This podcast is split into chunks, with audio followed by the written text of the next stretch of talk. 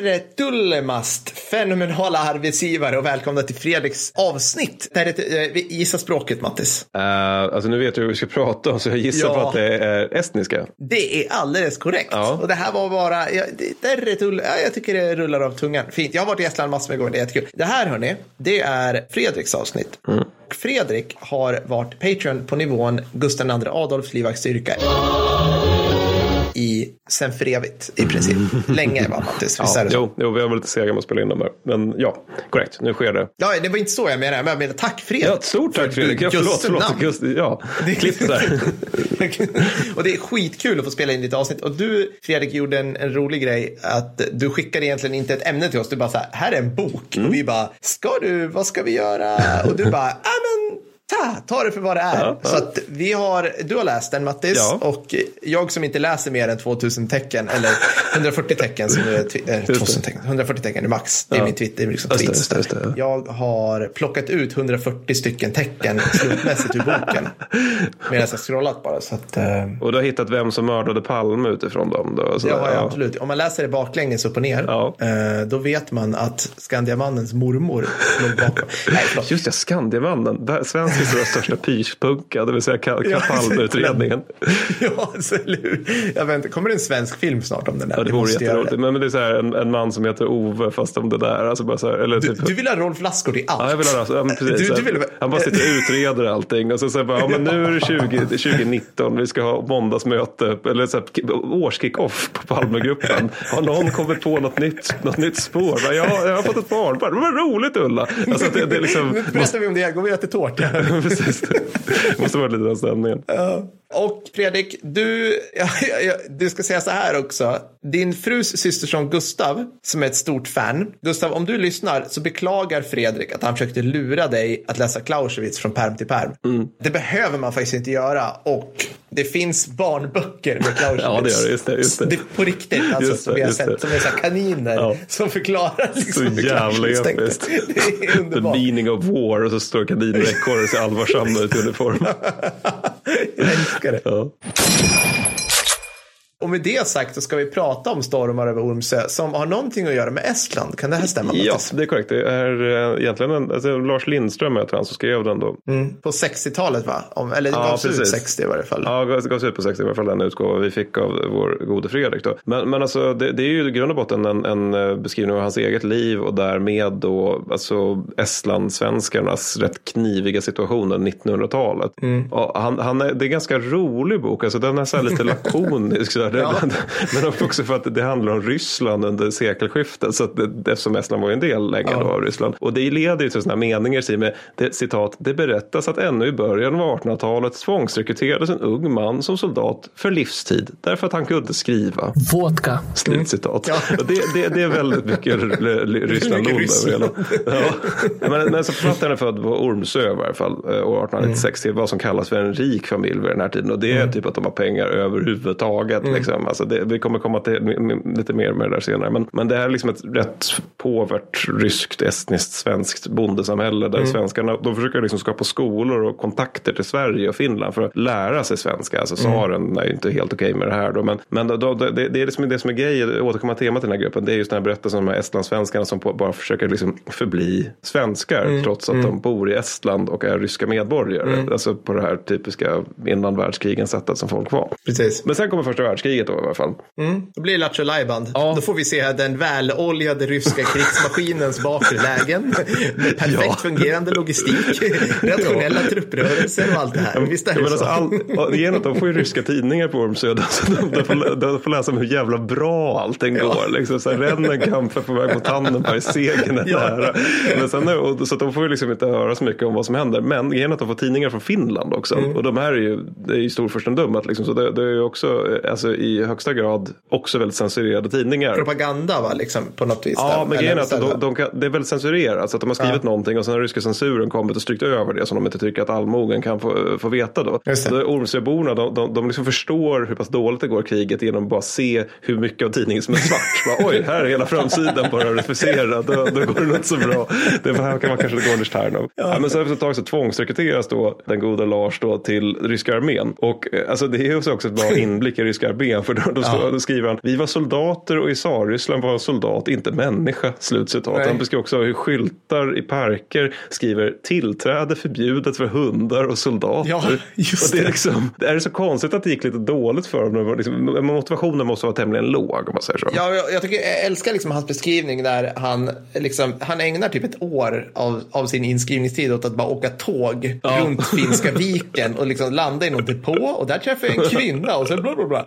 Och sen, där, där, där. Och sen liksom, hans höjdpunkter det är typ så här när han träffar en polack mm. eller en annan est eller ja. en finne. Ja. För de är typ människor. Ja. Alltså, de hatar också tsaren. Ja, ryssarna sa men de etniska ryssarna. De är på riktigt alltså, så här, växelvarma schimpanser beskriver alltså, han, han, De går liksom huk, alltså, han, hans andemening när han skriver om det här liksom att de går hukade. De, de liksom är så här, så här för människor nästan. Ja, på riktigt, ja. man, man, kan tänka, man, kan tänka, sig att det här med att de inte får prata svenska på Ormsö kan liksom färga av sig en smula på hans beskrivning. Lite. Men absolut, ja. men, men, absolut alltså, hans militärtjänst är inte just house to house utan det är så jävla mycket, men som du ja. säger, det är mycket tågresor, mycket småsupande också. Jag tycker det är mycket, hela tiden liksom, att de får, får en liten, så här, något stärkande. Så det är vakttjänstgöring, hela plutoner skrivs av som förluster på grund av mm. könssjukdomar, dålig mat, mm. man får gå utan kängor ibland och så såras han lätt av artilleri 1906. 16. Men, men ändå så allt löses via Trossvägen också. Ja, ja. Alltså det är det, liksom, han, han, känner någon kvartermästare som fixar det där för att han översatte ett brev till honom. För ja, att han var läskunnig. Då fick han du vet, en skinka och en flaska brännvin. Och, du vet, så och då kunde han dela ut det till dem där. Alltså, liksom så allt var bara korruption. Liksom. Men, men jag tror att det här är liksom en ganska, ganska liksom, genomsnittlig skildring av hur det var rysk soldat under tiden. Alltså, jag, jag man, man, man bara liksom så här, så, liksom. man, man, man, man, åker inga, man åker lite här och var, förstår inte riktigt varför. Och sen så, ja, men så super man lite grann. För grejen är att hans första stridstrid, det är ju 1917. Men då har han sen så, så exploderat som satan. För då är det liksom att han är en del av spaningskompani. Mm. Och 17 av 72 man överlever på liksom sådana natts ja, väldigt hårda ja. strider. Och det här är då för att det ryska artilleriet inte riktigt orkar ge understöd. Nej. Det vill säga återigen en ganska typisk ja. upplevelse för de stackars ryska infanteristerna ja. under det jävla skitkriget. Och sen ser han ju liksom Ryssland falla samman och börja strida för Estland och estniska frihetskriget. Vilket är helt bisarrt att vi inte har gjort en podd som heter estniska frihetskriget. Jag vet, jag, jag vet. Den kommer. Ja. Den kommer. Vi måste ju på något vis, alltså för du kan inte, jag, ibland, ibland när jag vill liksom må bra i gro, maggropen, då googlar jag ju bara Estland för att, för att få se lite ära och dådkraft. Tyvärr så dyker det upp så jävla mycket liksom SS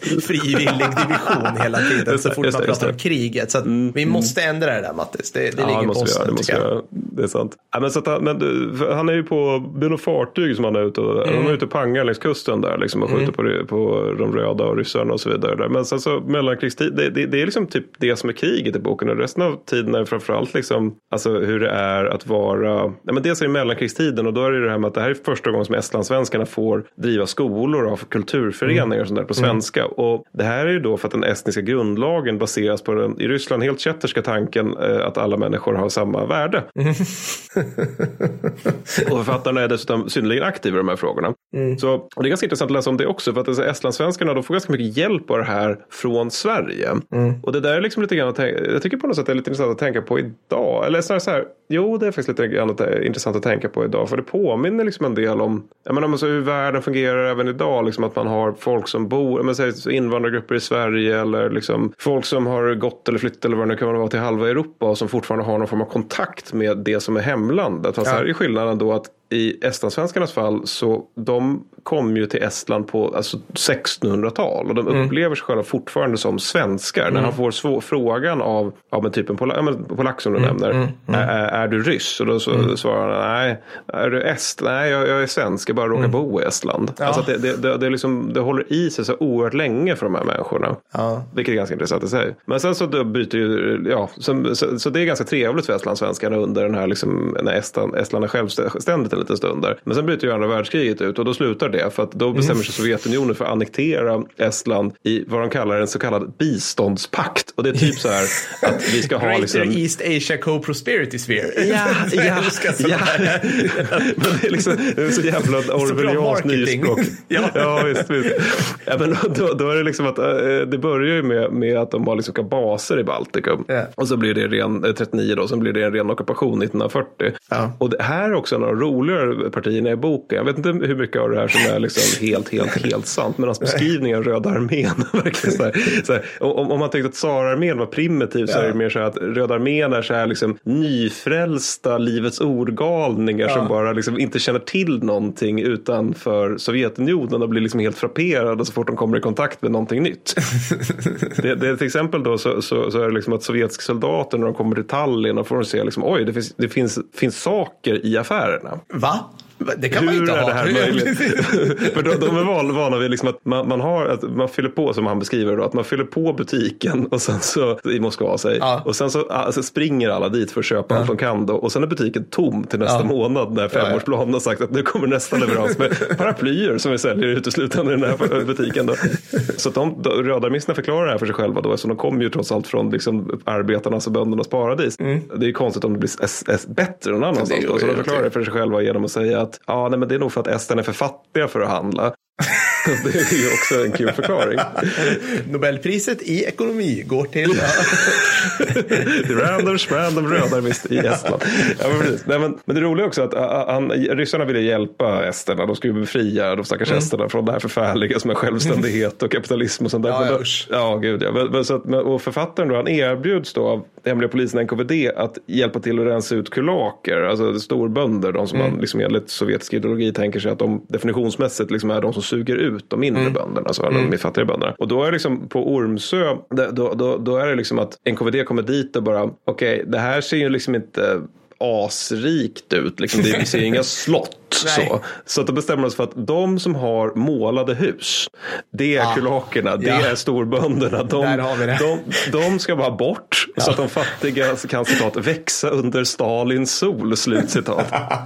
Författaren erbjuds hjälpa till med det här säger då väldigt nog nej, vilket nej. känns som ganska rimligt. Då. Ja. Men, men, då, det gör ju istället då att, att eh, NKVD tycker, börjar liksom ogilla honom allt mer, blir misstänksamma. För vad är du nu som inte vill hjälpa till med att ta bort mm. den här skiten? Då? Så att då förhörs massor med gånger. Då. Man får liksom också det här, det gjorde de med Kambodja, det demokratiska Kampuchea också. Att man, mm. man tvingar in honom då och tvingar honom att skriva sin självbiografi om och om igen. Mm. Och sen om man då hittar, liksom, ja men här, här, står det att du, här står det att du åt potatis den söndagen. Vad menar du med det? Förra gången var det makrill. Det här har vi. Alltså det, det, det är bara meningslös procedur som man får uppleva flera gånger. Och på, på Ormsö så försvinner folk också. Alltså de bara deporteras till, mm. till inre Sovjetunionen och kommer aldrig tillbaka igen. Nej. Och, det, det, och det är ju sorgligt att säga det, men, men för hans del så är det väl egentligen riktigt sorgliga. Det är ju att den här svenskkulturen som han har varit med och byggt upp då, den, har, den raseras eh, till väldigt stor del av ryssarna. För de anser den vara imperialistisk och mm. det skriver han, hur, hur den nu kan vara det. Mm. Jag antar att de mm. tänker på Karl XII eller något mm. eh, som inledde förs försvarskrig, vill jag påminna här, här Ryssland om. Mm. Men, men också att de, de, de, de tycker, det, det, är ju mycket det här med att de, de, de vill ju inte erkänna ryssarna. Det skriver han inte uttryckligen, men, mm. det min tolkning men de vill inte erkänna att det finns ett, liksom, att det finns olika folk inom Sovjetunionen. Utan nej, nej, alla är ja. ju ja, precis. arbetare. Klassamhället har ju precis. Ja, ja precis. Arbetare eller bönder mm. eller, eller kulaker då som man skickar mm. iväg till Gulag. Så det där raseras och det är han ledsen för. Men sen 22 juni 1941 så skriver han då nu, nu först hade Moskva upptäckt att det finns nazister i Tyskland. Ja. ja jo, för det som händer 22 juni 1941 är nämligen att Operation Barbarossa sätter igång. och då Just det, det, lilla, då, det lilla företaget. ja, men då går de sovjetiska tidningarna från, från att liksom ha lovprisat Hitler till ja. liksom så, men det är stolt liksom också kämpar mot kapitalismen kolonialismen och imperialismen till ja. att det här är liksom en orm, det är massa grisar och så vidare. Och så vidare, och så vidare. Men, men då författaren då, han är tvungen att gömma sig i skogen till stor del fram till 8 september. Så han liksom bara springer till skogs tillsammans med mm. massor av människor. För att ryssarna började deportera folk som fan på grund av tyskarna då. Mm. Och han kommer fram i de här skogarna. För, han gör det liksom lite stötigt. Så från att går han hem och hälsar på sin fru. Typ. Men han kommer fram mm. beständigt först när tyskarna når Ormsö. Och mm. grejen är att då tänker ganska många av västlandssvenskarna, okej okay, men nice, tyskarna är här, mm. kulturfolk, mm. sådär, då, då, det kan ju knappast vara värre än ryssarna Nej. och sådär. Liksom, det är ju ändå så här, men vi vet ju att det finns många stora tänkare och konstnärer och författare som är tyskar. Problem.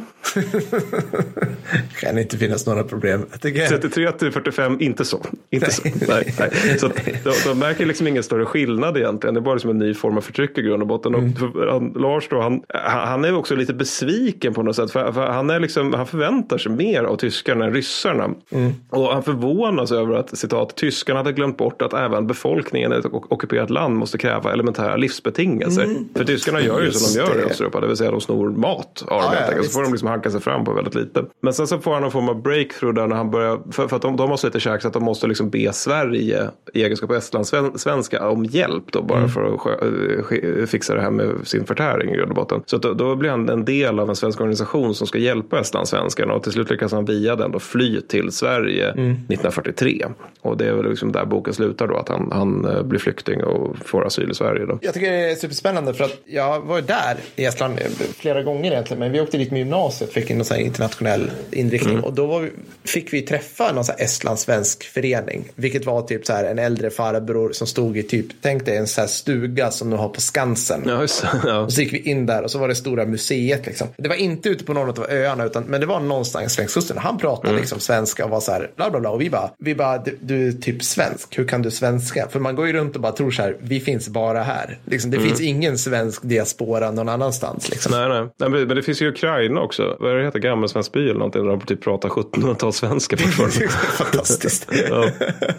Nej, det är coolt. Det är... Nej, men det, det, men, ja, men det är coolt. Och det är också något annat som är coolt. Alltså, när man läser den här så påminns man om att det är ett jävla mirakel att Estland överhuvudtaget finns. Ja. Alltså, just det här med att man har en så här otroligt liten och glesbefolkad nation som finns alldeles bredvid Ryssland. Mm. Och sen så har man Polen och Tyskland liksom relativt nära. Så, där. så att de finns ett under. Ja. Och sen är det ju fan ett större under att, ja, som du beskriver, det överhuvudtaget finns några estlandssvenskar kvar i Estland mm. överhuvudtaget. Jag fattar inte ens hur det går till, men det finns något hundratal kvar tydligen idag. Precis, för att eh, det var ju liksom att komma dit från Sverige början på 2000-talet. Det, det var ju så här, vi bara oh my god, we're in Eastern Europe. Alltså det var ju, det var ju, tänk, kändes ju schweinfattigt och mm. otroligt eh, nedgånget liksom. Så. Ja, så är det med det. Ja, men det var, det var Stormar över Ormsö. Ja. Tillika Fredriks eh, Expressavsnitt. Jajamensan. Så återigen Fredrik, stort tack för att du är du och för att stort du tack. stödjer den här cirkusen. Eh, Sankt Konrads eh, typ heliga milis und so weiter. Eh, skitkul. Så är det. Bra, vi hörs snart igen då. Ja, det gör vi. Ja. Ha det gött. Bra, hej. Hej.